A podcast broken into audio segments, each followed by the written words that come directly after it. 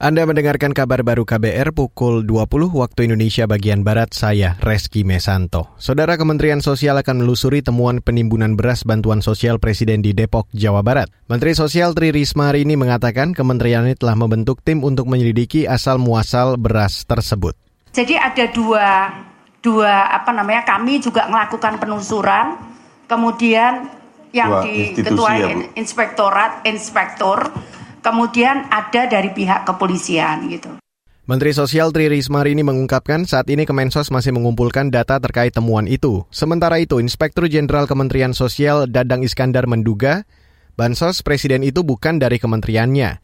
Jika milik Kemensos, kata dia, harusnya ada stiker di beras berukuran 20 kg. Sebelumnya, warga menemukan beras bansos presiden ditimbun di lahan parkir JNE di Depok, Jawa Barat.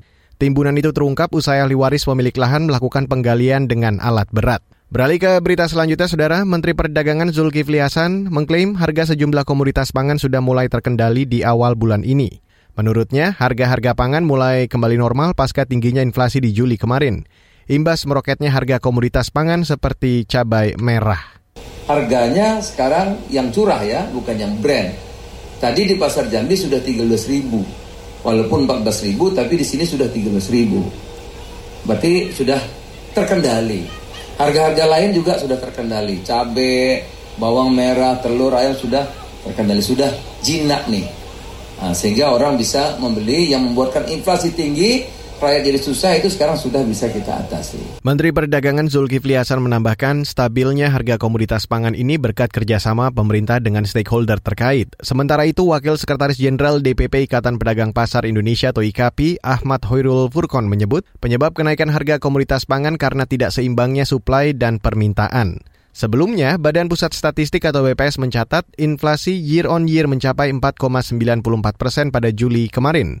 Komoditas pertanian seperti cabai merah, bawang merah, dan cabai rawit memberi andil pada kenaikan inflasi. Saudara pengamat kebijakan publik meminta pemerintah tidak ter, tidak buru-buru mengesahkan rancangan Kitab Undang-Undang Hukum Pidana atau RKUHP. Menurut pengamat kebijakan publik Trubus Radiansyah, pemerintah tertutup saat pembahasan RKUHP dan minimnya partisipasi publik. Ia juga mengingatkan arahan Presiden Joko Widodo yang dapat menjadi momentum buka-bukaan dan menyerap aspirasi masyarakat soal RKUHP diwajibkan aja kepala daerah-kepala daerah untuk memperbanyak untuk anggaran kepada ini. Nah kemudian di setiap daerah itu ada tim tim yang dibentuk ya, tim khusus yang menelaah dan menampung dari masukan-masukan itu. Nah masukan itu kemudian di, disampaikan kepada DPR melalui DPRD lah.